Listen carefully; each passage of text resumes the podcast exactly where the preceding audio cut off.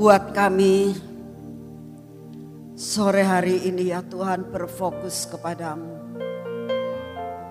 Kami tidak mau memikirkan yang lain. Kami hanya mau memikirkan akan kebaikanmu. Saat ini ya Tuhan, saat kami duduk di tempat ini, buat kami mengingat apa yang sedang kau kerjakan sepanjang tahun ini dalam kehidupan kami. Sehingga kami boleh menyanyikan pujian ini. Bukan karena kami suka dengan lagunya. Suka dengan liriknya. Suka dengan melodinya Tuhan. Tapi kami benar-benar mengatakan. Dalam setiap hidup kami. Engkau menyertai kami. Sepanjang hidup kami. Terima kasih Bapak. Pusatkan pikiran kami saat ini hanya tertuju kepadamu. Sehingga waktu ini adalah waktu antara engkau dengan kami secara pribadi. Dalam nama Tuhan Yesus. Amin. Saudara, sore ini saya ajak semuanya untuk ikut ambil bagian yang dinamakan dengan nama Thanksgiving ya. Hari ini kita bukan sekedar merayakan. Saya tidak mengajak saudara untuk merayakan. Tapi saya ingin mengajak saudara masuk di dalam dimensi yang lain. Yaitu suatu dimensi di mana saudara dan saya pribadi dengan Tuhan. Ya. Saudara dan saya tidak ada yang lain kecuali saya dengan Tuhan. Ya, pribadi saya dengan Tuhan. Masing-masing pribadi, saudara. Saya ingin di dalam Thanksgiving ini bukan sekedar hura-hura. Tapi benar-benar kita bisa mengerti, kita bisa mendalami, dan kita ketemu sama Tuhan, dan kita bisa mengatakan, thank you Lord, you are so goodness for me. Ya. Sampai men, mencapai taraf seperti itu, saudara. Oleh karena itu, hari ini uh, kebaktian ini itu ada dua dua hal ya. Yang pertama kita masuk di dalam bersama dengan Tuhan ucapan syukur kita kepada Tuhan secara pribadi, gak bareng-bareng ya. Pribadi kita sama Tuhan. Itu poin yang pertama, Saudara. Kenapa kita lakukan hal ini? Karena kita tahu kalau saudara dan saya sampai dengan saat ini, ya, kalau sampai dengan saat ini, saudara dan saya masih bisa bernafas. Itu karena penyertaan Tuhan. Karena dia adalah sangat baik. He is a goodness. Ya. Bukan sekedar good. Goodness. Very, very goodness. Sangat-sangat baik-baik dan double baik buat saudara dan saya. Ya. Di padang gurun yang kita hadapi saat ini. Saudara, kenapa saya katakan kita hidup dalam padang gurun? Begini, saya ajak saudara saat ini berpikir ya, membayangkan mulai tanggal 31 Desember tahun yang lalu menjelang kita memasuki akan tahun 2020. Ya. Begitu saat itu yang saya alami, saat itu kita itu mau kumpul keluarga di Jatim Park. Tetapi apa yang terjadi? Kita nggak bisa ke sana karena kita dari Bandung ke Jakarta macet luar biasa disebabkan karena Jakarta lagi banjir. Ya. Dan itu terjadi sampai tanggal 1, saudara semua yang dari Mahanaim ada beberapa yang datang. Saudara tahu banjir luar biasa. Sampai salah satunya rumahnya si Jos akhirnya kebanjiran. Ya. Dan semua semua tahu ini masa-masa tanggal 1 di mana saudara dan saya mengalami padang gurun, ya, banjir, masalah. Ya. Kita masuk di dalam masa kekeringan. Nah, saudara, mulai tanggal 1 tahun yang lalu, eh bukan tahun ini, tanggal 1 Januari. Ya, saya ajak saudara membayangkan dan masuk di dalam pribadi kita dengan Tuhan. Tuhan, sejak tanggal 1 bulan Januari kami mengalami perkara-perkara seperti itu. Ini padang gurun Tuhan. Tapi aku tahu sekalipun di padang gurun mana tidak pernah tidak turun. Penyertaan Tuhan itu yang buat kita harus bersyukur untuk semuanya. Lalu menjelang bulan Februari, ya, mulai kita mendengar dari Januari pertengahan sampai Februari kita mulai mendengar ada sesuatu di Wuhan. Pada waktu itu Desember Tuhan mengatakan mau ada virus. Tapi jalan pikiran saya, oh biasa. Setiap kali di Wuhan, setiap kali di Cina ada yang namanya uh, virus apa namanya itu? Ya SARS, ada yang macam-macam lah. Itu selalu kebanyakannya datangnya dan menyerangnya tuh di daerah sana. Jadi saya tidak terlalu terpengaruh gitu. Oh ada virus. Tapi apa yang terjadi? Begitu mulai Februari akhir. Tiba-tiba melanda seluruh dunia. Ini yang dinamakan apa? Padang berantara lagi. Ya. Kita masuk dalam padang belantara lagi. Ya. Bulan Maret terjadi. Bukan sekedar itu saja. Mulai sekolah-sekolah mulai digoncangkan. Ya. Sekarang online. Gak bisa. Apa yang terjadi lagi? Gereja Anak-anak Tuhan mulai dilanda. Gereja sudah mulai dibatasi dengan social distancing. Harus memakai masker. Ini terus terjadi selama bulan Terus terjadi. Terus kita kira hanya entah 3-4 bulan. Loh sampai dengan detik sekarang. Ya Pandemi itu masih ada, betul? Bahkan di beberapa tempat yang sudah hijau jadi merah lagi. Termasuk di kota ini. Ya. Kita tahu saudara, ya, sepanjang tahun ini apa yang kita alami.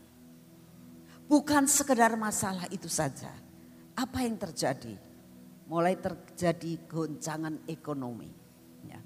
Emas mulai naiknya tidak pada tempatnya Terus apa lagi yang terjadi? Terjadilah yang dinamakan mall ini bangkrut. Pengusaha ini mulai turun dan terus menerus, terus menerus, terus menerus saudara. Yang ini bangkrut, banyak yang di PHK. Itu terjadi tahun 2020, betul?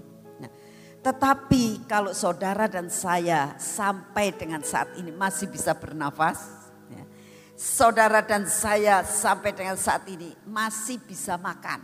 Nah, saya mau tanya sama saudara, di antara saudara di sini maupun yang saat ini streaming, siapa yang pernah dalam satu bulan tidak makan? Coba, coba saudara bisa memberikan uh, apa komentar di online. Saya yakin gak ada. Gak ada satupun yang kita katakan satu bulan saya gak makan. Kalau saudara puasa, pasti dalam satu bulan itu makan dua tiga kali. Minum, Tuhan peliharakan. Oleh karena itu saat ini saya berdoa, yuk kita sekarang masuk masuk di dalam yang dinamakan saat teduh pribadi dengan Tuhan. Saudara boleh duduk, saudara boleh berlutut. Ya. Saya hanya minta lagu ini terus dinyanyikan dengan mengalun. Dan kita semuanya masuk dalam saat teduh. Untuk apa? Untuk mengingat He is so good.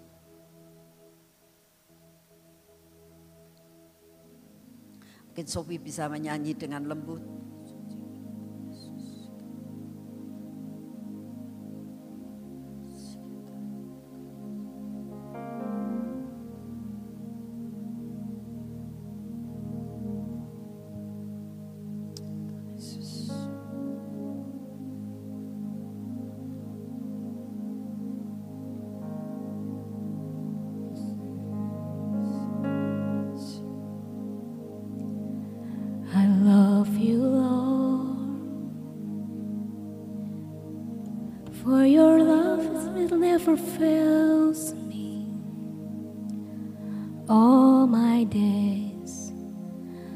in hand.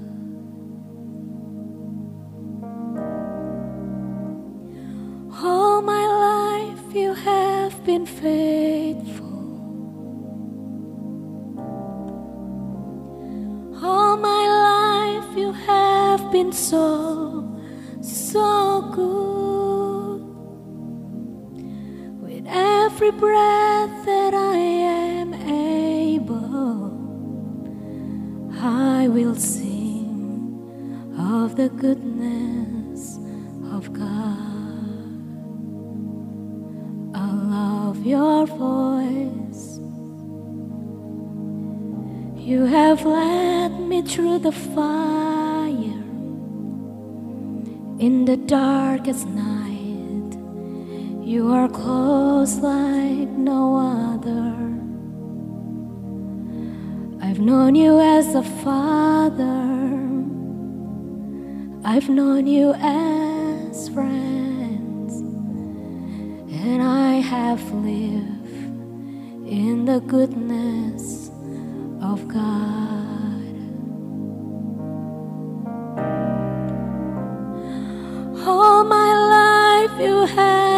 fe.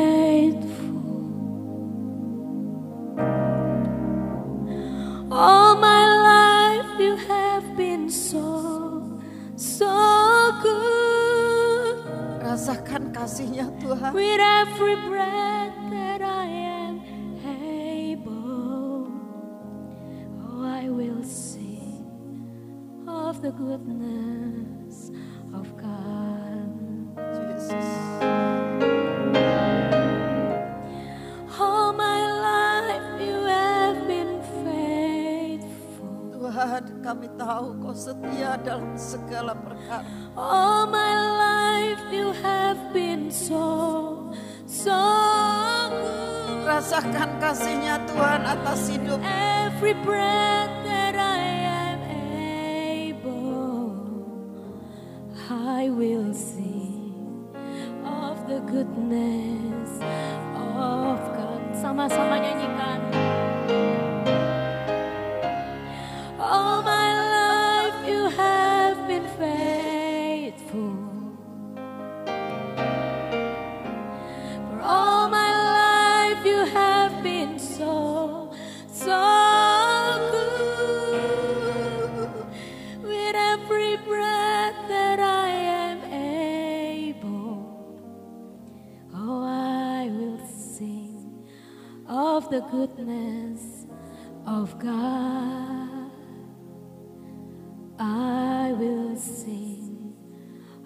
the goodness of God.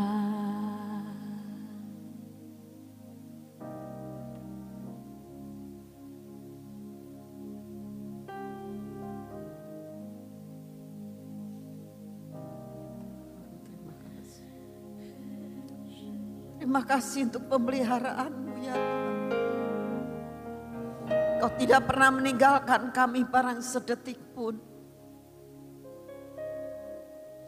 Sekalipun kami tinggal dan hidup bersama-sama dengan pandemi yang ada. Dengan tekanan-tekanan yang ada saat ini Tuhan. Tapi tetap engkau peliharakan kami. Engkau beri kekuatan, engkau beri kesehatan. Engkau beri kepada kami rezeki setiap hari Tuhan. Kami bersyukur untuk semua dan semuanya ini. Terima kasih Bapak. Terima kasih untuk kasih setiamu yang tidak pernah meninggalkan kami. Kami tahu kau ada di tempat ini Tuhan. Kami minta kau jamah kami satu persatu. Engkau datangi kami Tuhan. Kau datangi kami pada sore hari ini. Dan kau katakan bahwa engkau hidup. Engkau tetap ada. Dan kau tetap menyertai kami di mana pun kami berada. Kami saat ini mohon ampun Tuhan kalau sering kali kami meragukan engkau. Kami minta ampun kepadamu Tuhan kalau kami sering kali melarikan diri daripadamu. Tidak melihat kebaikan dan kebaikanmu Tuhan. Tapi kami bersyukur kau tetap setia. Engkau tetap baik. Kesetiaanmu teruji dalam hidup kami. Kami bersyukur untuk semua dan semuanya ini ya Tuhan. Kalau persekutuan boleh terus berjalan pada masa pandemi. Kalau persekutuan dan PW dapat berjalan sampai dengan saat ini, kami tahu karena Engkau yang memilikinya. Engkaulah Tuhan kami. Engkaulah yang berdaulat atas hidup kami. Jangan tinggalkan kami Tuhan. Buat kami tetap setia sampai garis akhir. Buat kami tidak mengkhianati akan kasih-Mu. Buat kami tetap setia dan tidak meninggalkan Engkau. Buat kami merasakan cintamu yang tidak dapat dibandingkan dengan apa pun juga. Terima kasih Tuhan Yesus. Inilah ucapan syukur kami. Teruskan apa yang kau mau saat ini. Karena kami tahu kau punya rencana yang sangat luar biasa. Dalam nama Tuhan Yesus. Amin.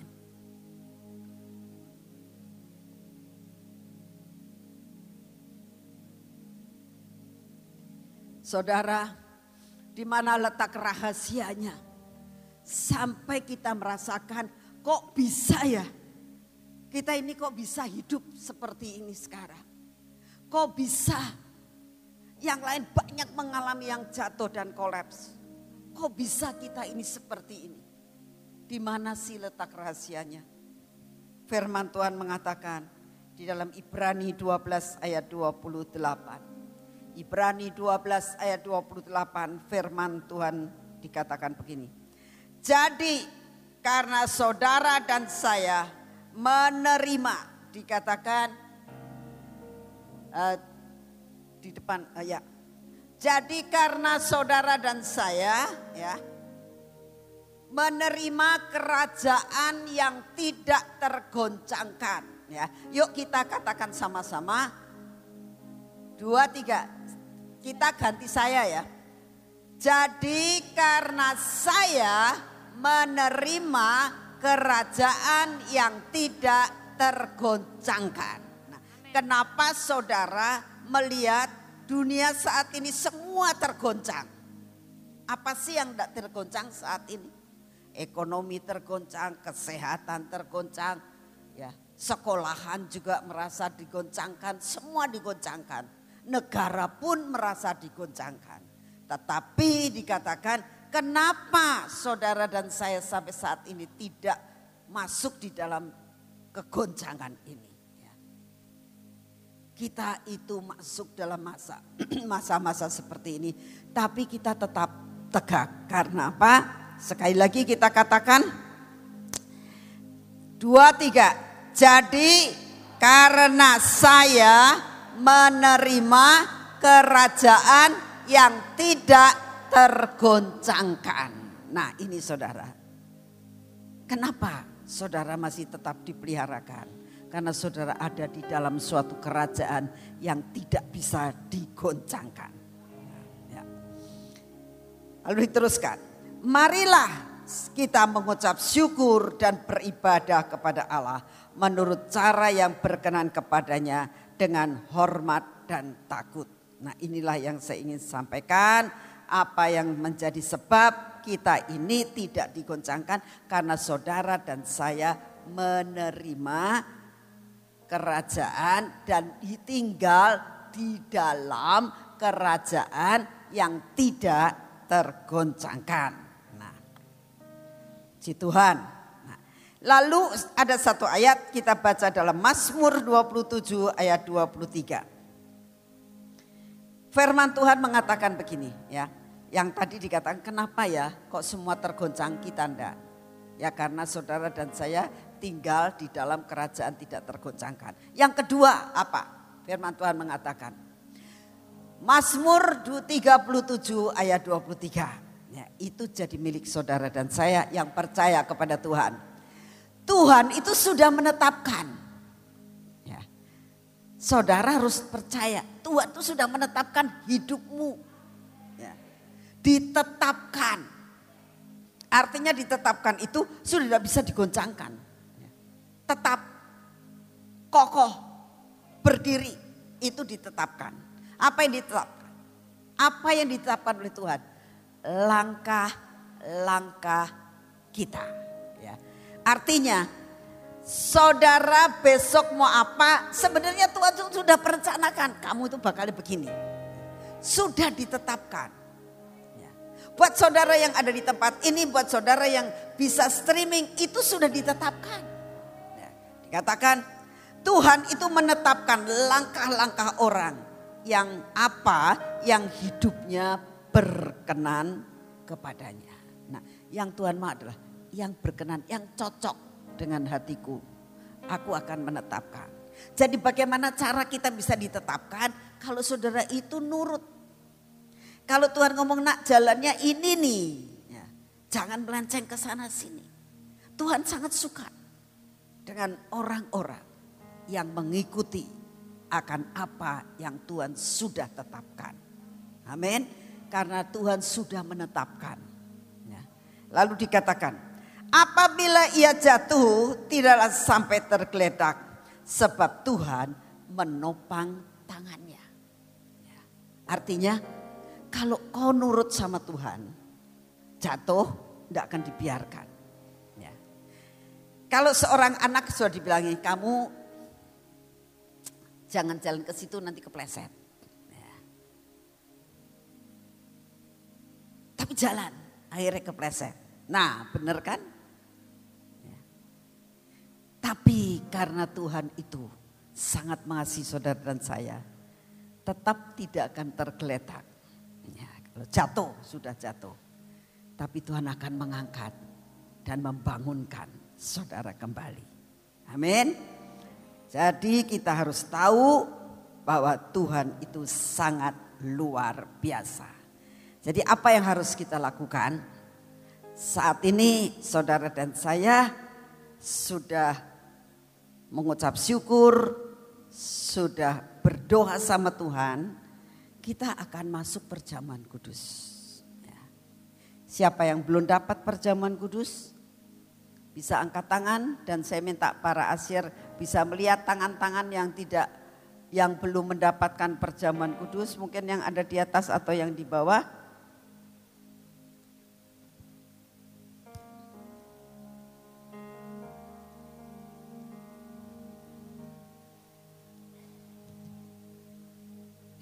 Saya kira para penye, uh, pelayan lebih baik semua di panggung ya. Jadi nanti kalau mau nyanyi nggak geruduk geruduk geruduk geruduk gitu naik ya. Ayo semua jangan ngumpet di eh, lorong-lorong uh, di gua-gua. Semuanya saya harap semua pemain musik semua uh, siap sedia untuk setiap kali disuruh nyanyi tidak usah pakai komando dua tiga kali. Ya.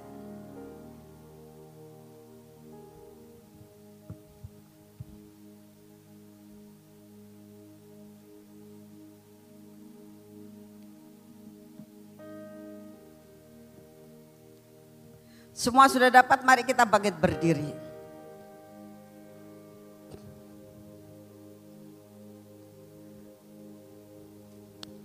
Firman Tuhan mengatakan begini. Ya. Saat Tuhan mau masuk di dalam masa-masa penderitaannya. Tuhan ikut bersama-sama dengan murid-muridnya makan sedangan dan katakan, nak ini tubuhku, ini darahku. Kamu ingat saat kamu makan dan minum, engkau jangan sekali-kali tidak mengingat akan apa yang sudah aku pernah lakukan. Aku mati, aku menderita untukmu saudara dan saya. Saudara banyak hal selama satu tahun ini yang kita alami. Mungkin kita sering kali melakukan perkara yang menyakitkan hati Tuhan. Tapi hari ini Tuhan katakan, nah tubuhku yang dipecah-pecahkan ini. Sebagai suatu lambang bahwa aku sudah menebus penebusan Tuhan dengan darah ini, maka karakter saudara dan saya akan diubahkan untuk menghadapi tahun depan ini menjadi karakter Kristus. Mari kita makan dalam nama Tuhan Yesus.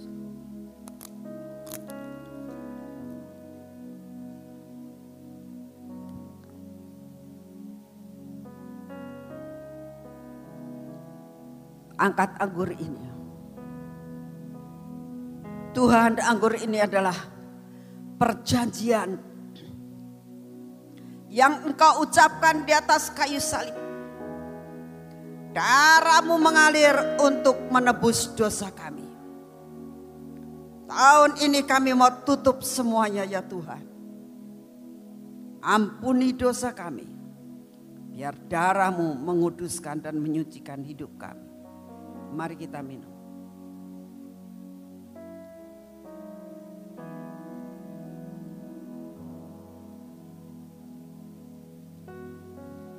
Saudara, kita akan masuk dalam pengucapan syukur dengan memberikan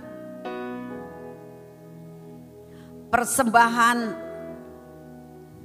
tutup tahun. Saudara boleh duduk kembali. Berdoa masing-masing. Sepanjang tahun ini ya Tuhan.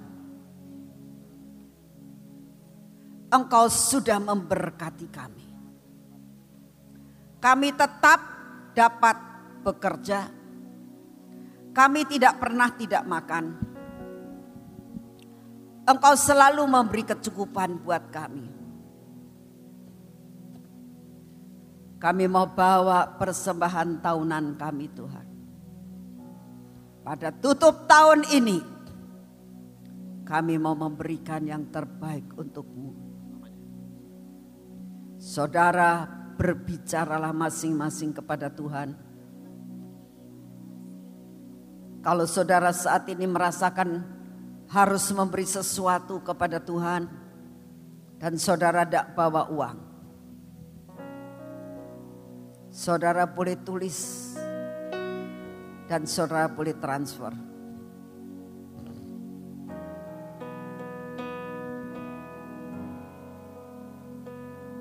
Bapak bicaralah kau kepada kami.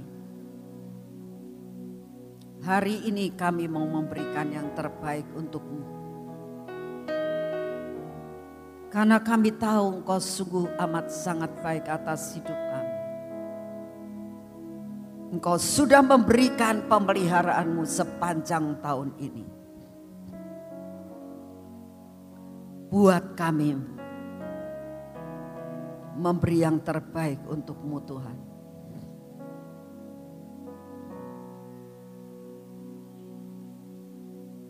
Dalam nama Tuhan Yesus. Amin. Silakan saudara maju ke depan. Di depan ada rekening Gracia, rekening lawatan. Ingat kasihnya. Rekening terang bangsa. Rekening Ingat kebaikan. radio suara Gracia. Saudara boleh memberikan yang terbaik hanya untuk Dan anugerahnya. Selamatkanku.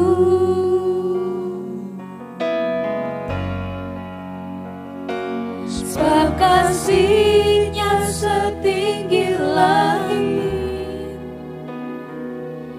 Kasih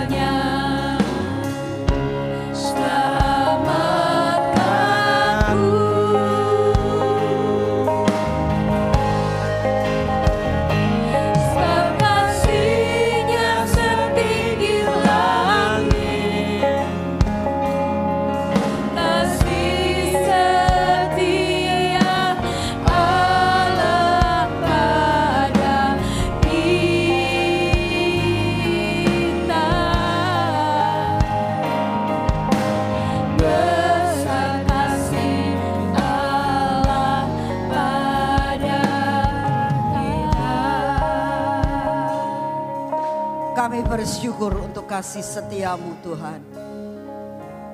Biarlah hati kami penuh dengan sukacita. Hati kami penuh dengan pengucapan syukur yang keluar dari hati kami yang paling dalam atas kasihmu sepanjang tahun ini. Dan saat ini ya Bapak, siapkan hati kami untuk menerima poin yang kedua ini. Kami minta di dalam namamu. Buat kami fokus dengan apa yang engkau beritahukan kepada kami sore hari ini. Buat kami bisa tangkap Tuhan. Kami tidak salah menangkap. Karena kami tahu ini persiapan untuk menghadapi tahun depan. Dan kami akan lakukan untuk tahun depan. Dalam nama Tuhan Yesus. Amin. Saudara, dalam poin yang kedua ini saya berdoa supaya saudara benar-benar tangkap, saudara benar-benar mengerti, saudara benar-benar bersama dengan saya menerima dan mendapatkan semua yang Tuhan inginkan dan janjikan untuk saudara dan saya. Ya. Apa judulnya? Judulnya adalah persiapan memperluas daerah. Saat saya sedang berdoa, Tuhan katakan, nak, dalam tutup tahun ini, engkau bicara perkara ini. Karena aku akan membuat perluasan daerah mereka. Amin. Tangkap saudara, ini bukan sekedar saya beritahukan kepada saudara omong kosong. Ini firman Tuhan. Ya. Jadi saudara harus tangkap, saudara harus ngerti, saudara harus lakukan, dan saudara akan dapat. Ya. Jadi Tuhan bilang saat ini persiapkan Karena ini terjadi perluasan daerah terjadi tahun depan. Bukan tahun ini ya. Saudara harus tahu perluasan daerah terjadi tahun depan. Nah, sekarang apa yang dilakukan? Persiapan. Mempersiapkan. Seperti seseorang yang akan menikah. Ya. Orang yang akan menikah itu biasanya sudah dipersiapkan berbulan-bulan. Mungkin setahun dua tahun. Dipersiapkan. Nah menjelang akan hari hanya lebih sibuk. Apa yang perlu? Apa yang harus dipersiapkan? Minimal saya harus punya tempat tinggal minimal saya harus punya pekerjaan. Nah itu persiapan artinya. Persiapan masuk di dalam kehidupan yang baru. Di dalam pernikahan. Seseorang ibu yang sedang mengandung. Ya, dia akan persiapkan. Anakku akan lahir minimal 9 bulan 10 hari. Mungkin lebih, mungkin bisa kurang. Aku harus persiapkan. Apa yang harus dipersiapkan? Minimal saya harus mempersiapkan pakaian untuk baby. Apalagi zaman sekarang. Ya. Sudah tahu persis anaknya laki atau perempuan. Ya. Sudah tahu. Kalau kalau laki-laki nuansa biru biru biru biru. Kalau perempuan nuansa pink, merah dan sebagainya. Mempersiapkan. Saudara tidak akan mengatakan wis apa jari nantilah. Gak bisa. Itu namanya persiapan. Nah, hari ini Tuhan memberikan kepada saudara, katakan tentang perluasan apa? daerah. Itu akan Tuhan beri untuk tahun depan. Sekarang persiapannya. Kalau saudara sudah dikasih tahu, saudara mau menikah maupun saudara mau mendapatkan seorang anak, kan sudah tahu Nah ini juga sudah tahu, sudah dikasih tahu. Persiapkan kata Tuhan. Jangan main-main. Persiapkan supaya sungguh-sungguh saudara dan saya menerima dengan utuh. Amin. Nah, tapi ingat untuk siapa perluasan daerah harus tahu untuk siapa perluasan daerah itu kriterianya ada tiga. Kalau saudara bisa memenuhi tiga perkara ini,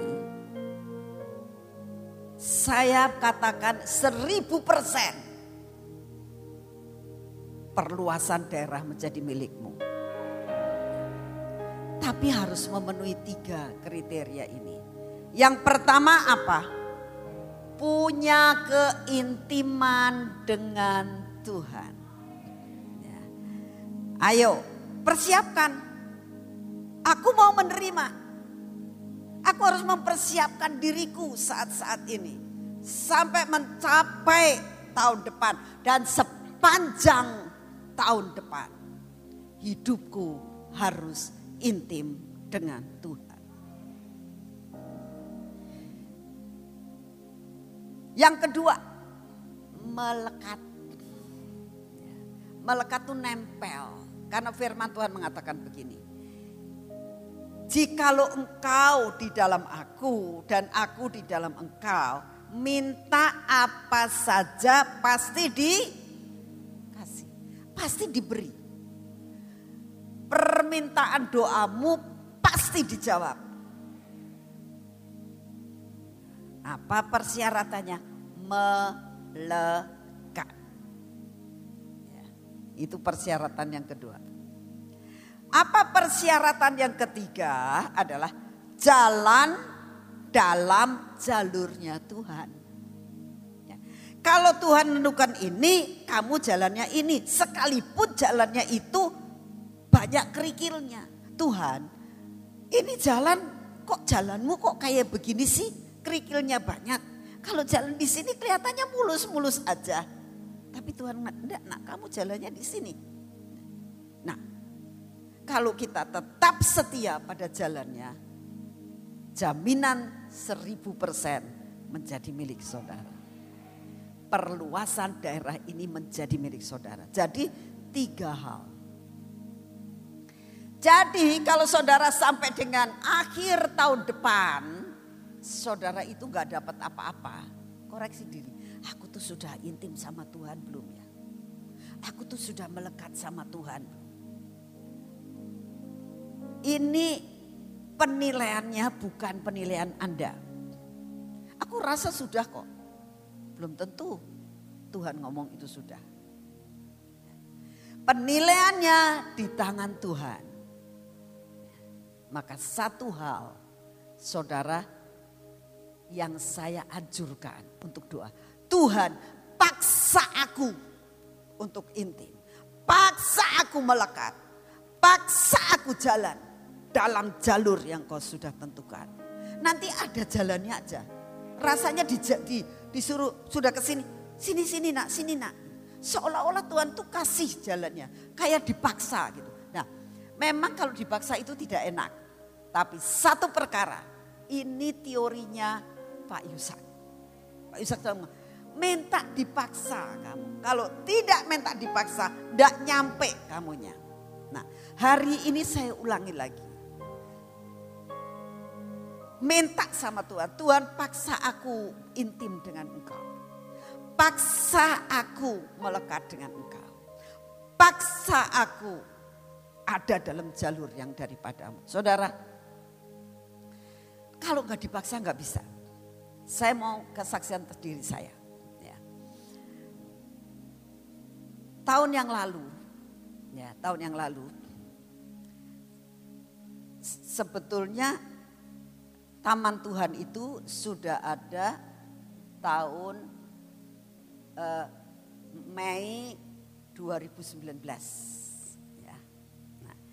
Selama Mei, Juni, Juli, Agustus, September, Oktober, November, Desember, enam bulan lebih, tujuh bulan. Ya. Saya tidak tiap hari ke taman. Sewaktu-waktu. Ya. Sampai Tuhan bicara sama saya begini, nak. Kamu itu kalau mau betul-betul dekat kepadaku. Memang di rumahmu ada kamar doa. Tapi aku mau kamu ke taman. Setiap hari. Saudara,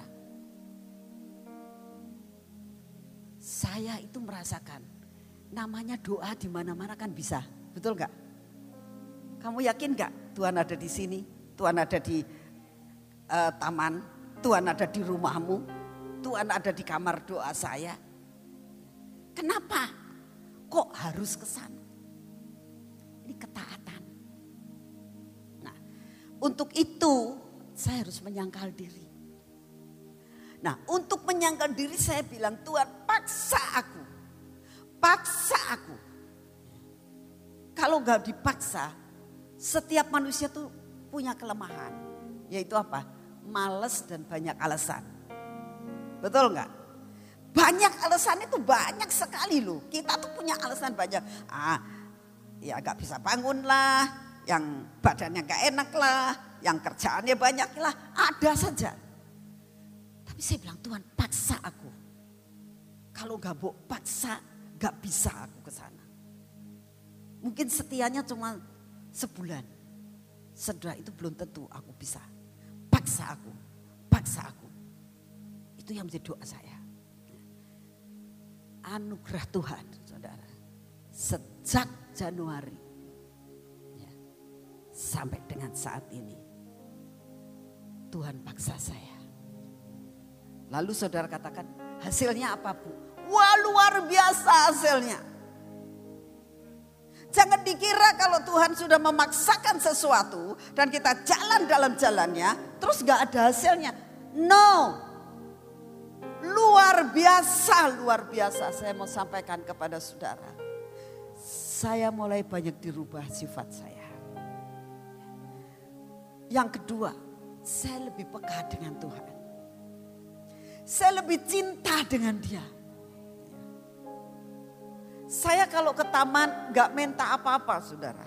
Nggak minta apa-apa. Nggak minta minta rumah lagi, minta mobil lagi, minta enggak saudara. Saya cuma kalau saya di saya cuma ngomong gini Tuhan. Buat jamin aku sampai garis akhir. Buat aku mencintaimu lebih dari semuanya. Aku ucapkan syukur Tuhan. Aku mengucap syukur untuk semua yang kau berikan buat saya. Tidak minta apa-apa saudara. Tiap hari. Dan hasilnya luar biasa. Salomo tidak minta apa-apa. Tidak minta kekayaan. Saudara akan mengatakan lah ya wis cukup. Orang itu tidak pernah cukup punya mobil satu pengen dua, pengen dua pengen tiga, pengen tiga pengen empat. Lung Salomo sudah punya istri satu minta dua, dua minta tiga, sampai tiga ratus sampai tujuh ratus sampai seribu. Yang benar sih tidak ada kepuasan, itu manusia. Ya. Tetapi kalau engkau miliki Tuhan, engkau akan dapat semuanya. Saudara, Salomo dia tidak minta apa-apa. Tapi dia bilang Tuhan aku minta hikmat. Tapi hasilnya bukan hanya hikmat dan marifat kebijaksanaan yang diterima. Bahkan kekayaannya melebihi dari yang lain. Saudara, Tuhan tahu apa yang menjadi kebutuhan saudara. Tadi siang saya sedang selesai persiapan ini saya baca firman Tuhan. Nah, pas dalam firman Tuhan yang saya baca itu tentang gini. Hai kamu orang yang kurang percaya. Kita kayak gitu ya. Burung gagak saja dikasih makan. Apalagi engkau. Ciptaanku masakan sih aku tidak mengerti apa yang kamu perlukan. Saudara, saat saya baca itu ya Tuhan benar-benar manusia itu bebal banget. Burung gagak loh bukan burung gereja atau burung raja wali ya. Dikatakan burung gagak aku peliharakan. Apalagi saudara dan saya yang ingin Tuhan sampaikan. Nah intimlah dengan aku. Melekatlah dengan aku. Dan jalani apa yang aku sudah tentukan untuk kau jalani. Sekalipun jalan itu adalah jalan yang tidak enak. Saudara, kalau kita melihat apa yang dialami oleh Yusuf. Ngimpinya bagus. Firmannya bagus. Jalannya kok jelek. Masuk sumur, dijual, masuk penjara, dibohongin. Apa enak? Tapi itu jalannya. Kalau dia mau jalani, karena dia tetap intim dengan Tuhan, melekat dengan Tuhan, jalan di dalam jalan dari Tuhan. Akhirnya menuai segala-galanya. Ini yang saya mau sampaikan kepada saudara. Jadi kalau ini tiga perkara menjadi milik saudara, tahun depan daerahmu akan diperluas. Amin. Ya.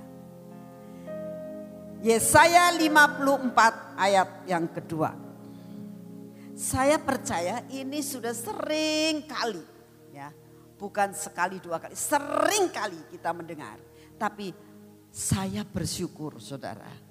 Tuhan jabarkan Tuhan kupas ayat ini dengan saya secara pribadi. Dan saya sama sampaikan dan sharekan kepada saudara. Betapa hikmatnya Tuhan. Betapa luasnya rahasianya dalam ayat ini. Dan ini akan menjadi milik saudara. Ya. Yuk kita baca sama-sama Yesaya 54 ayat 2. Lapangkan Tuhan katakan, lapangkanlah tempat kemahmu. Dan bentangkan tenda tempat kediamanmu. Saya pengen saudara mengucapkannya itu dengan keras. Jangan di mulut, sekalipun ditutupin gak apa-apa. Tapi suaramu akan keras. Dua, tiga.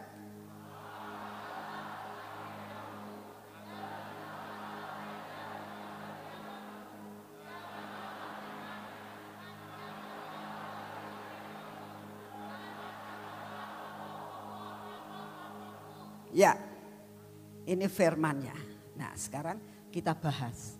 Saat Tuhan membukakan perkara ini. Saya bilang, thank you Jesus. Ini janji buat saudara dan saya yang memenuhi tiga perkara ini. Yang pertama, ya, lapangkanlah tempat kemahmu. Lapangkan tempat kemahmu. Nah, ini yang pertama ya. Maksudnya apa? Maksudnya apa? Lapangkan tempat kemahmu. Apa sih artinya ini? Ya. Apa artinya lapangkan tempat kemahmu? Ya. Artinya Tuhan itu akan memperluas wawasan kita. Saudara tahu wawasan? Wawasan itu sesuatu hal yang sepanjang kamu melihat. Ya, itu akan menjadi milikmu. Itu wawasan. Ya. Jadi yang dinamakan di sini Tuhan katakan lapangkan. Terus tambah melebar. Melebar ke kanan dan ke kiri. Ya. Nah Tuhan akan memperluas wawasanmu.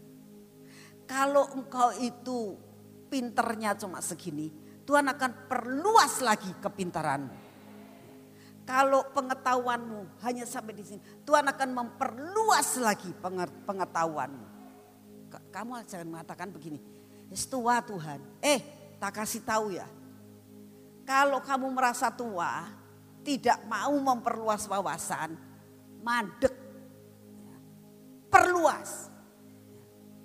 Saudara, saya dulu nggak pernah bisa untuk main iPad. Tapi saya mau mau memperluas. Karena apa? Saya ini kalau pakai kacamata kepala saya sakit. Ya, pusing. Sekarang Alkitab kecil-kecil. Kecuali Alkitab yang segede ini itu. Nah ya gimana baca Alkitab setiap kali Alkitabnya segede itu, mangku saja sudah capek. Tapi dengan segala adanya iPad sekarang, bisa digedein, bisa dikecilin. Wawasannya menjadi luas. Wawasan luas itu apa? Pengetahuan kita akan luas. Kita bisa mengerti segala sesuatu. Saya kemarin mendengar satu khotbah dari seorang hamba Tuhan yang sudah tua umurnya 80 lebih ya. Wawasannya luas tentang politik dia tahu, tentang ini dia tahu, tentang ini dia tahu. Saya bilang hebat ya ini. Umurnya wis puluh lebih. Wawasannya luar biasa. Dan Tuhan katakan wawasanmu akan diperluas. Jadi nggak bisa berputar-putar di sekitar pelayanan di sini saja. Wah aku bisanya cuma begini. Buat saudara ya, yang sebagai pemimpin pujian Lagunya itu-itu saja. Bosen loh. Ya. Minta sama Tuhan, Tuhan beri aku pengertian sampai aku bisa. Ya. Lagu-lagu yang lain punya wawasan yang lebih luas. Ya. Dengerin yang lain. Ma pemain musik juga harus begitu. Saudara yang sudah tua maupun yang muda punya wawasan. Wawasan akan diperluas. Nah, Bagaimana secara rohaninya? Artinya begini. Apa yang sudah ada saat ini, ya, jangan itu-itu saja. Tahun depan pelayanan akan diperluas. Pelayananmu akan diperluas. Pelayananmu sebagai apa? Sebagai pemimpin pujian diperluas Kamu sebagai manajer diperluas. Kamu sebagai pendoa syafaat akan diperluas. Ini wawasan. Secara jasmani bagaimana? Tuhan akan memberikan peluang-peluang baru. Ya. Sampai pekerjaanmu diperluas. Nah peluang itu apa? Misalnya begini. Saudara ini secara jasmani ya, secara rohani sudah tahu Tuhan akan memperluas, memperluas dan memperluas lagi.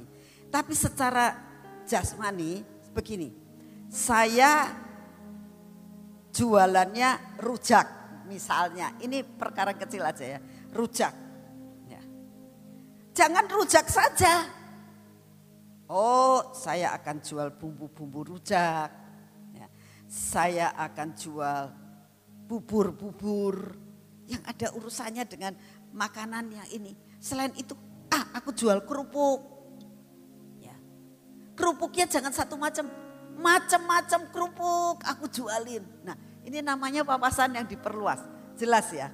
Jadi yang ada hubungannya dengan apa yang ada saat ini. Ya.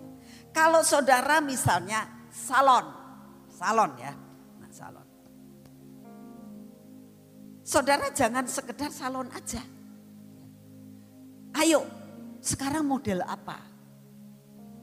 Lakukan. Terus jualan juga. Jualan apa?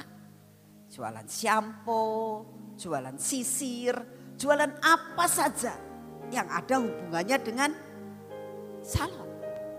Itu namanya memperluas. Nah, kalau misalnya saudara ini apa ya punya restoran misalnya, ya. saudara punya restoran, itu bisa diperluas, bisa untuk kita buka di sana, buka di sini, buka di sana. Tapi bisa juga, ya, apa yang bisa kita jual di dalam restoran itu? Karena orang suka makan, itu suka macam-macam loh. Ya, saya pernah pergi ke satu restoran, restoran Indonesia. Ya. Lalu di situ jualannya macam-macam, dari keripik sampai gelas-gelas dan sebagainya sampai minuman-minuman dan sebagainya. Ini memperluas. Dan itu yang Tuhan mau, diperluas. Ya, itu namanya lapangkan tempat kemahmu. Amin. Jelas ya? Jelas ya? Waktu Tuhan jelaskan ini saya bilang, oh iya benar Tuhan. Dan itu akan terjadi untuk tahun depan. Yang kedua dikatakan bentangkan tenda. Betul? Ya, yang kedua ya. Tenda itu bicara tentang tempat kita berteduh kan? Betul nggak? Orang kalau berteduh buat tidur zaman dulu, kalau namanya kemah itu eh, buat berteduh. Kalau sekarang rumah, tapi ini dikatakan bentangkan tenda. Tenda itu tempat berteduh untuk bernaung. Nah, secara rohaninya gimana? Tuhan akan memperluas dibentangkan ya, tempat-tempat untuk berteduh. Jadi ceritanya bagaimana? Apa Tuhan? Apa yang sedang engkau kerjakan? Keriduanmu untuk tahun depan. Untuk membentangkan kemah saya. Pelayananku. Tendaku itu harus ke yang bagaimana? Tuhan ngomong, nak tenda itu tempat berteduh. Nah, caranya bagaimana? Buat tempat-tempat berteduh. Maksudnya apa Tuhan?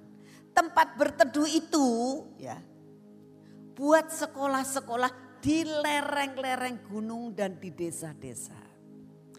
Buat rumah singgah buat kelompok-kelompok belajar. Di mana? Gak usah di kota, wis penuh.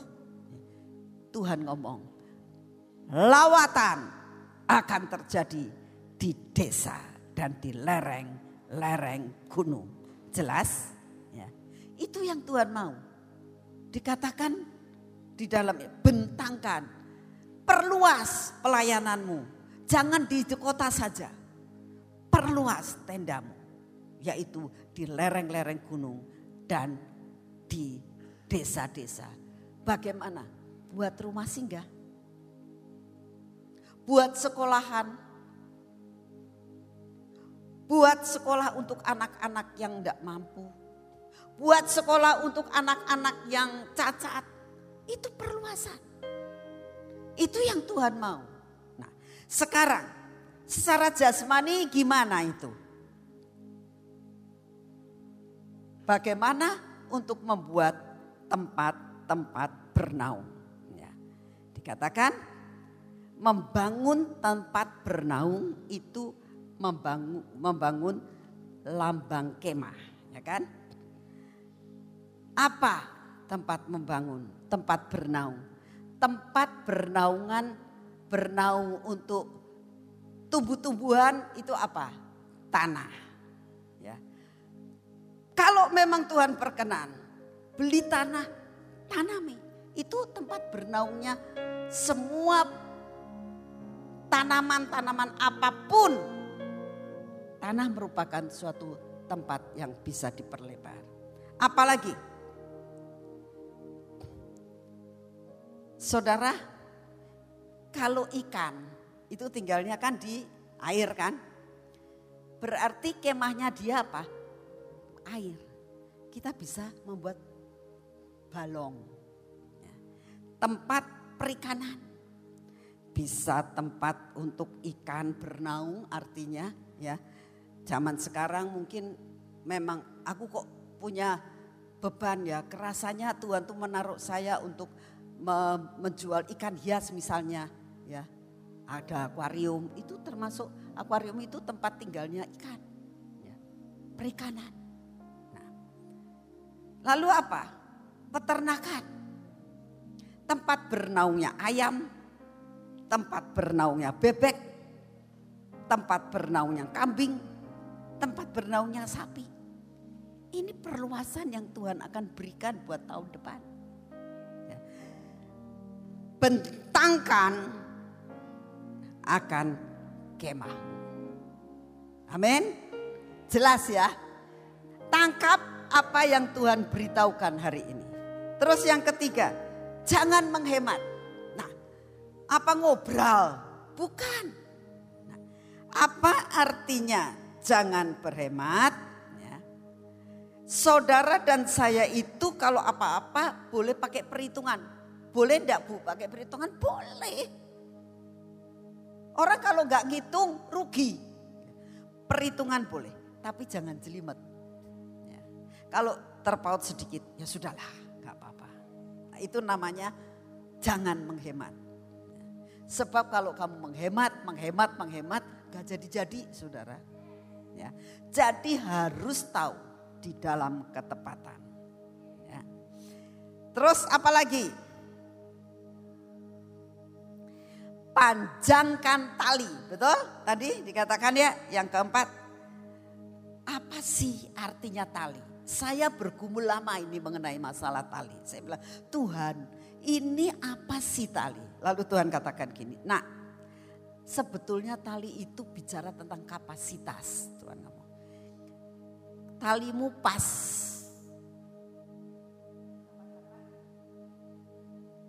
Pas segini. Tapi Tuhan ngomong panjangkan. Lah gimana Tuhan? Taliku cuma sampai di sini, aku ndak bisa terus, aku ndak bisa, ndak ada sambungannya. Tapi Tuhan ngomong, panjangkan. Caranya gimana manjangkan? Dan Tuhan kasih tahu gini nak. Kalau talimu sudah sampai di situ, kamu harus panjangkan. Caranya harus disam, sambung. Betul.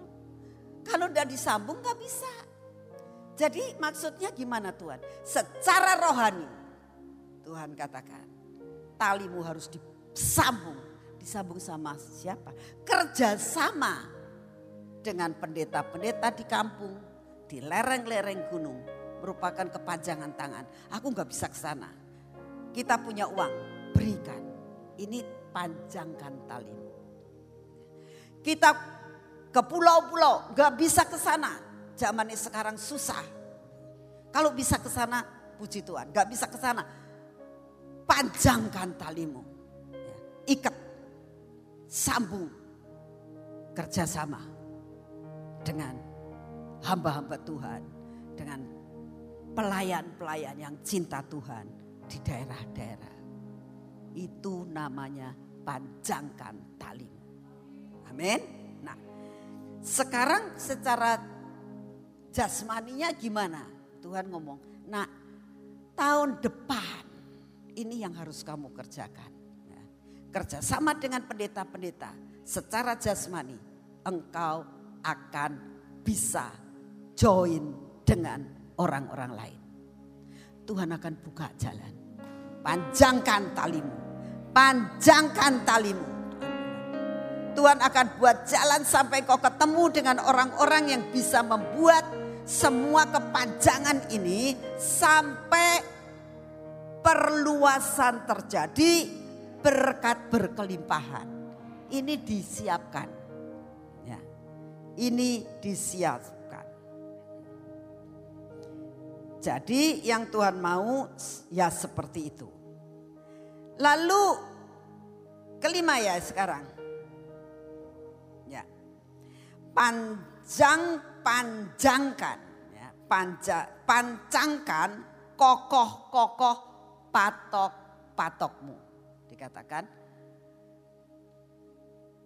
pancangkan kokoh-kokoh patokmu. Jadi kalau ini patok dipak di palunya seret sampai masuk. Patok itu bicara tentang apa? Pemilikan, saudara.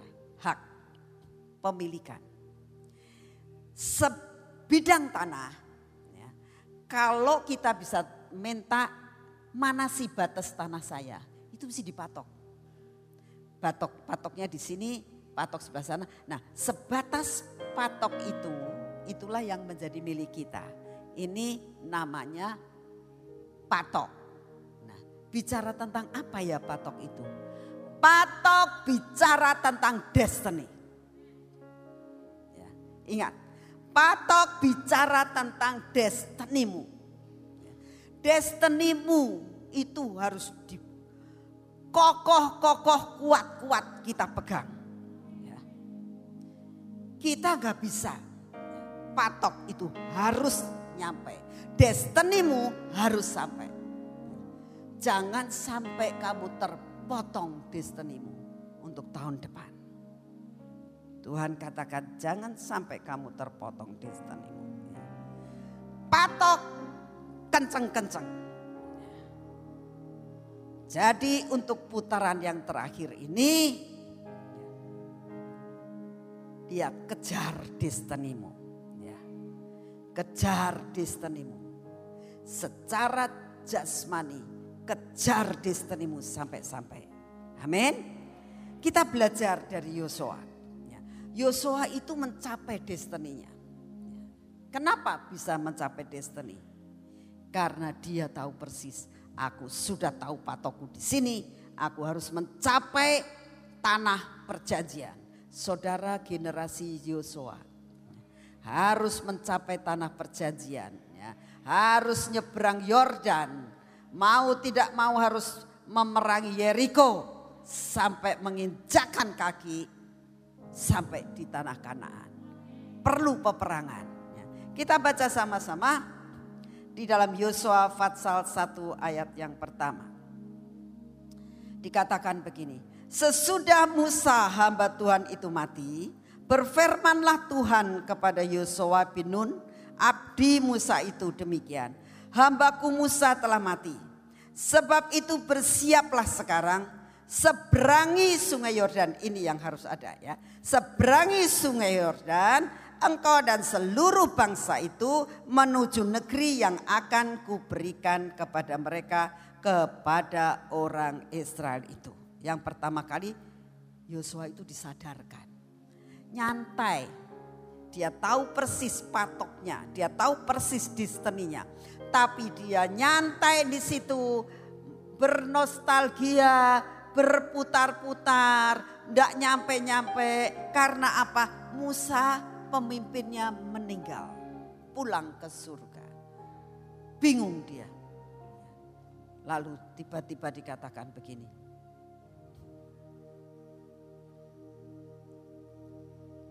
Hambaku Musa telah mati. Sadar kamunya, kamu gak bisa nempel terus.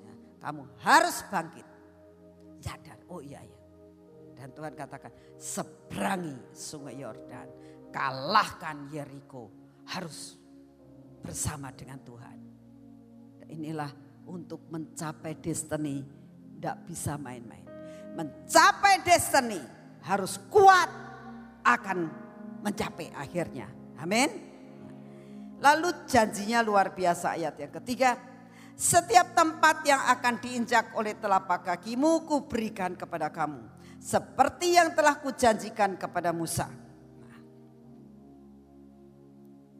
Jadi saudara tahu tanah kanaan harus diinjak. Dan firman Tuhan apa yang perluasan terjadi daerahmu itu akan menjadi milikmu, akan menjadi milikmu, akan menjadi milikmu, akan menjadi milikmu. Amin. Lalu kita lihat janji Tuhan. Nah, sesudah kita persiapan, apa yang kita dapatkan?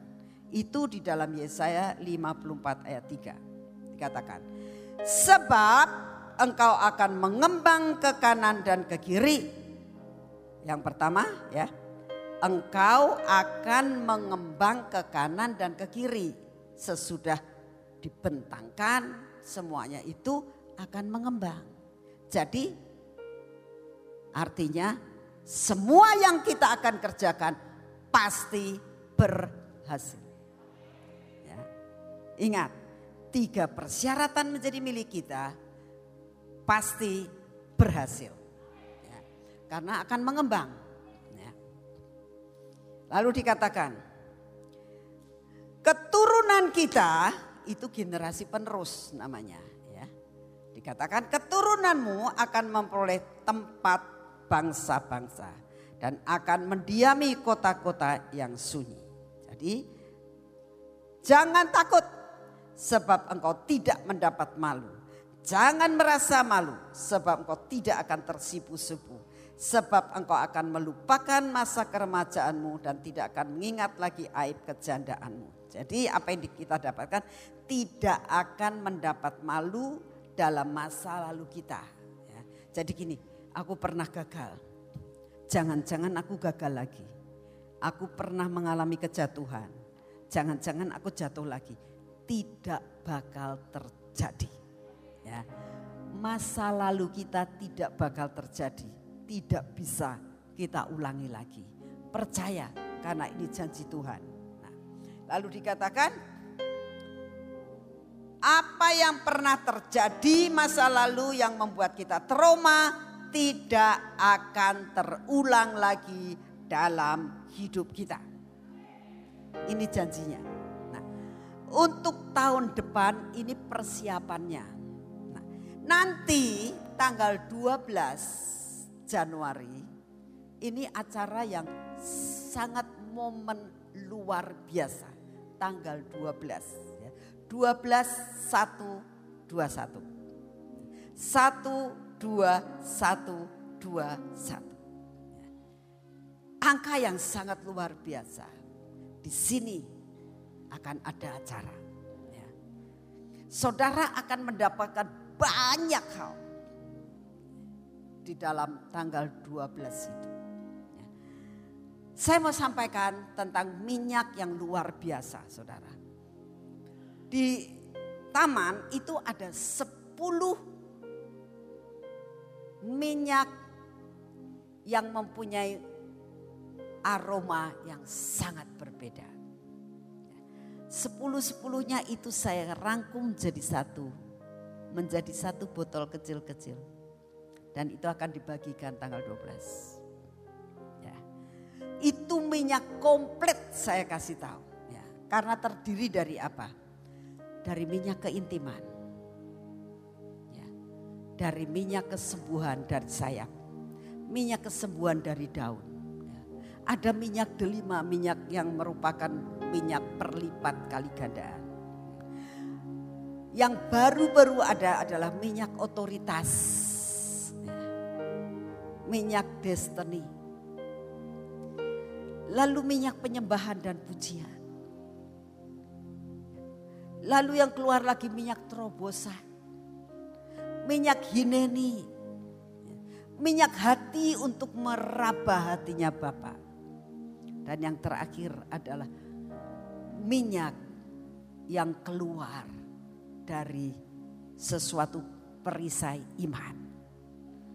Saya berdoa minyak ini sampai ke ujung bumi. Waktunya akan tiba di mana iman-iman akan menjadi runtuh. Tetapi pengurapan minyak ini akan membuat mereka dibangkitkan kembali. Saya yakin tidak sia-sia minyak boleh keluar dari barang yang mati. Untuk membuktikan, nah aku hidup sekalipun mati. Aku hidup.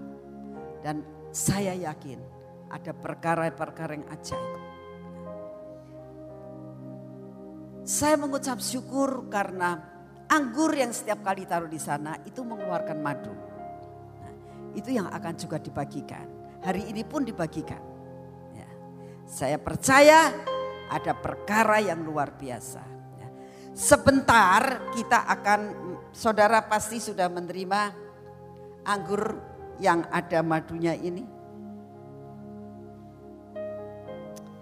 Anggur itu berbicara tentang perlipat kali gandaan, tentang kebahagiaan, dan tentang kelimpahan yang sekarang dijanjikan hari ini untuk tahun depan. Madu berbicara tentang kemanisan dan kenikmatan. Ini lambangnya saudara. Ya. Mari kita bangkit berdiri. Ya. Kita sudah terima firman dan saat ini kita praktekkan. Hari ini kami menerima anggur kami menerima perlipat kali gandaan. Kami menerima kebahagiaan. Dan kami menerima kelimpahan. Kami menerima madu yang daripadamu ya Tuhan. Madu ini melambangkan suatu kenikmatan. Madu melambangkan kemanisan. Tahun ini kami tutup dengan madu dan anggur Tuhan menandakan ada kelimpahan, kecukupan, tidak pernah berkekurangan. Dan ini akan terjadi sampai tahun depan. Di dalam nama Tuhan Yesus mari kita angkat. Dalam nama Tuhan Yesus kami percaya kemanisan, kenikmatan, kebahagiaan, perlipat kali gandaan menjadi milik kami. Dalam nama Tuhan Yesus. Mari kita makan.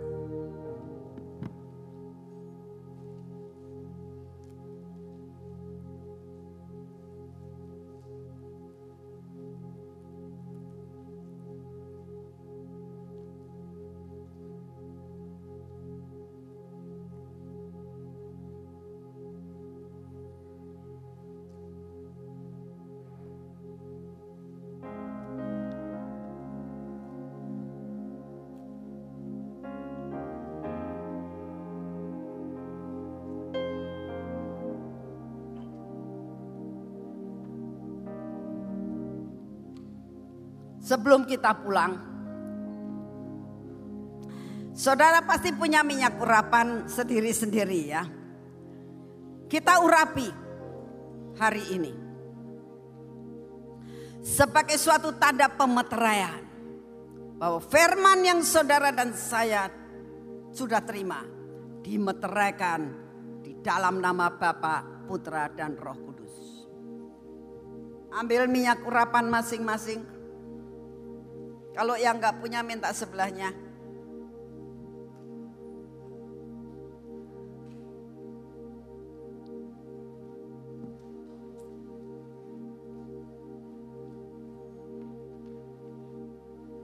Yang nggak punya minta sebelahnya.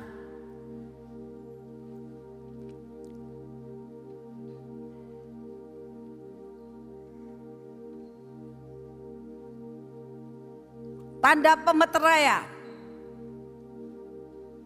Angkat tangan kita.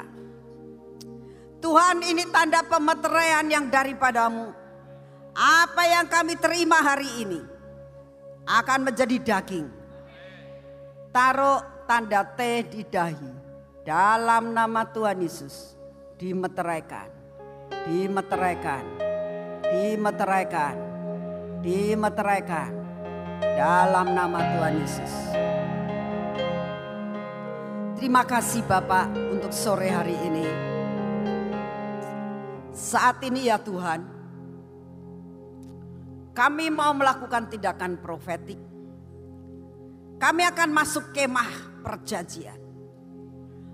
Kemah janjimu. Kemah pelangi.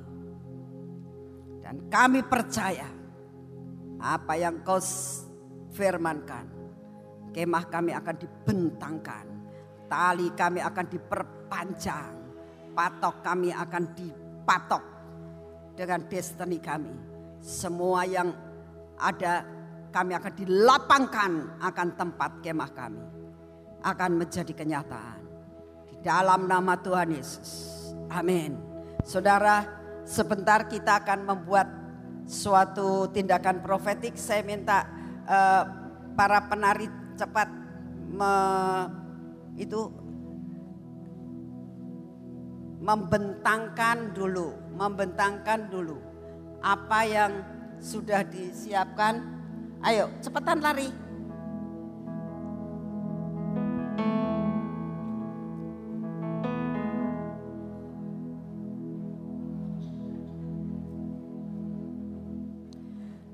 Saya minta mulai dari sebelah sini masuk dan yang saudara yang sebelah sana muter ke uh, ke sebelah sini ya. Jadi jangan sampai bertabrakan ya. Yang atas sesudah di sini selesai, yang atas boleh turun. Kita akan memasuki akan uh, tenda kemah ini. Saya minta kamu naik ke atas ini yang ini. Kamu naik ke atas. Ya, naik.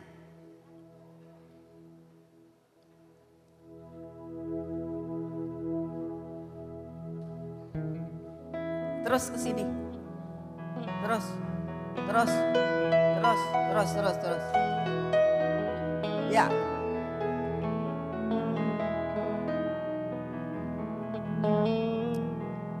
Saya minta Pak Gideon dan para asyir memberikan uh, apa namanya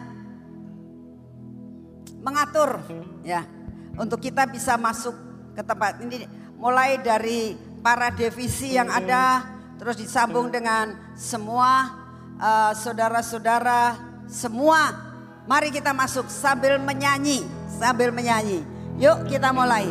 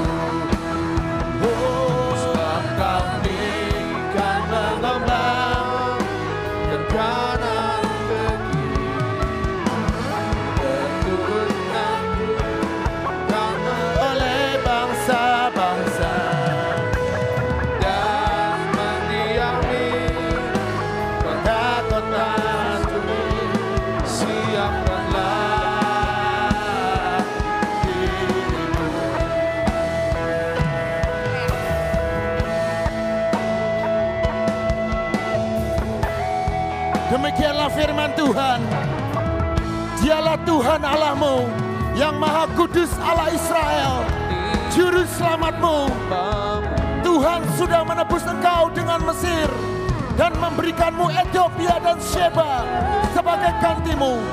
Oleh karena engkau berharga di mata Tuhan dan mulia dan Tuhan mengasihi engkau maka Tuhan memberikan manusia sebagai gantimu dan bangsa-bangsa sebagai ganti nyawamu.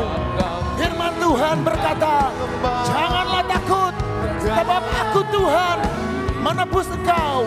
Tuhan telah memanggil engkau dengan namamu. Engkau adalah kepunyaan Tuhan. Dan kami berkata, Tuhan firman Tuhan berkata terus Yosua, janganlah kecut dan tawar hati, sebab Tuhan Allahmu menyertai engkau ke mana pun engkau pergi.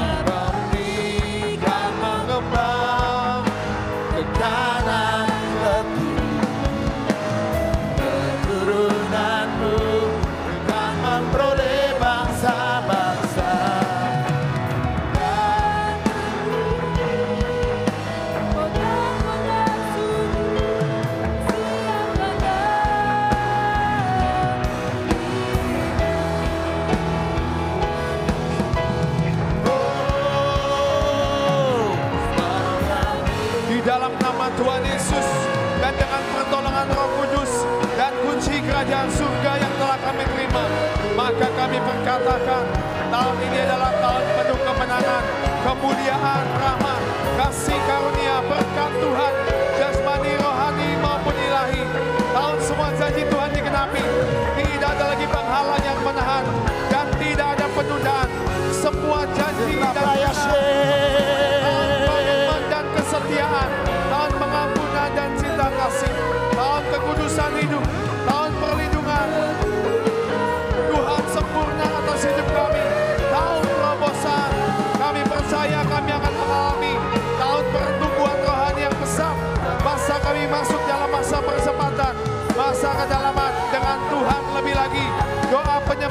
membaca firman adalah makanan kami setiap hari.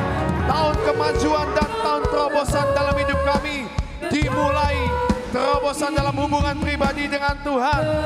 Kami percaya ini tahun kami melekat erat dengan Tuhan. Ada di pusat hati Tuhan.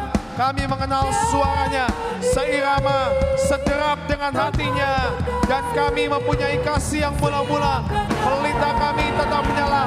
Dan cadangan minyak kami Tuhan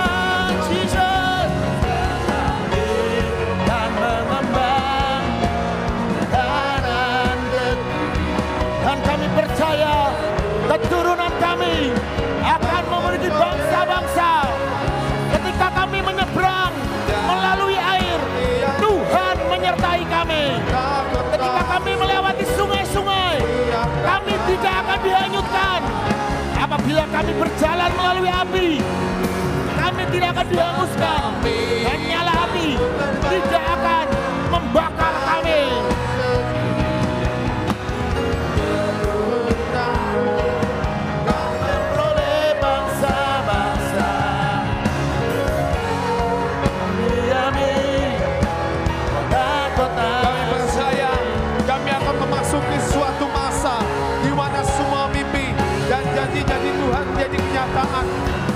menjadi daging.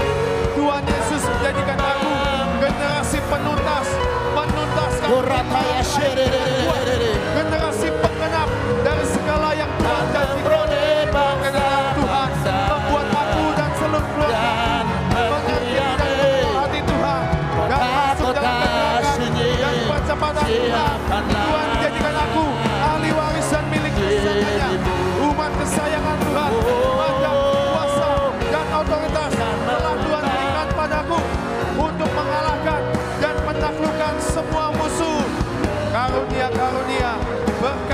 senjata-senjata, jubah-jubah telah diberikan Tuhan kepadaku untuk memperlengkapi dan menyelesaikan pekerjaan yang dengan tuntas. Tuhan membuat aku semakin kuat, semakin besar, semakin berkembang dan berbuat Di dalam nama Yesus kami berkata, sangka kalah ditiup, sangka kalah Yeriko runtuh. Yeriko runtuh. Menyeberangi sungai-sungai. Kami berkatakan di dalam nama Yesus. Delapan bulan yang dicuri oleh iblis. Kami katakan dikembalikan seribu kali ganda di dalam nama Yesus. Di dalam nama Yesus.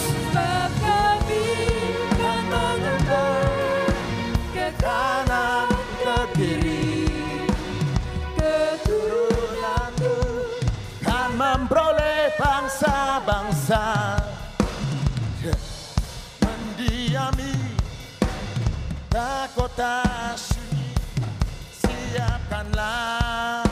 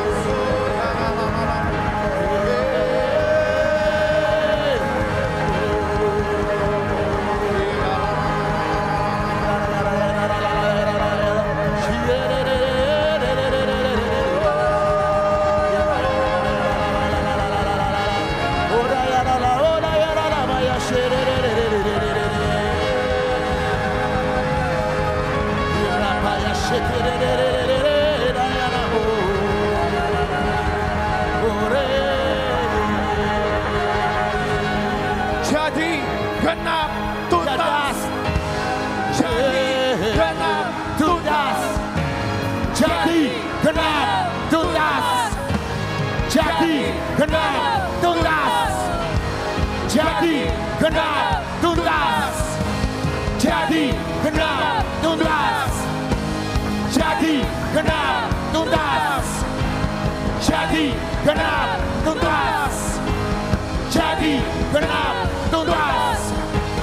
Jadi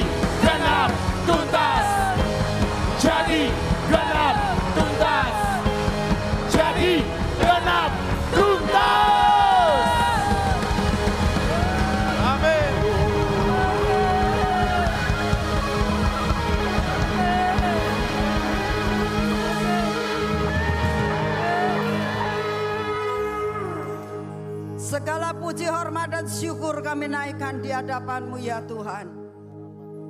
Kami mengucap syukur Engkau ada di tengah-tengah kami. Dan apa yang sudah Kau sampaikan jadi genap dan tuntas. Sebentar kami meninggalkan tempat ini. Kami percaya anugerahmu kami bawa pulang Tuhan. Berkatmu kami bawa pulang Tuhan. Semua janjimu kami bawa pulang Tuhan. Firman jadi daging. Dalam nama Tuhan Yesus. Kita katakan sama-sama. Amin. Saudara, di luar ada buku-buku dan beberapa barang-barang profetik yang dibawa oleh saudara kita Harvey dari Semarang. Saudara bisa mengambilnya dan disediakan makan malam di bawah. Saudara bisa ambil makan malam dan saudara bisa pulang ke rumah masing-masing. Jangan lupa tanggal 12 kita ketemu lagi. Tuhan memberkati saudara semuanya. God bless you. And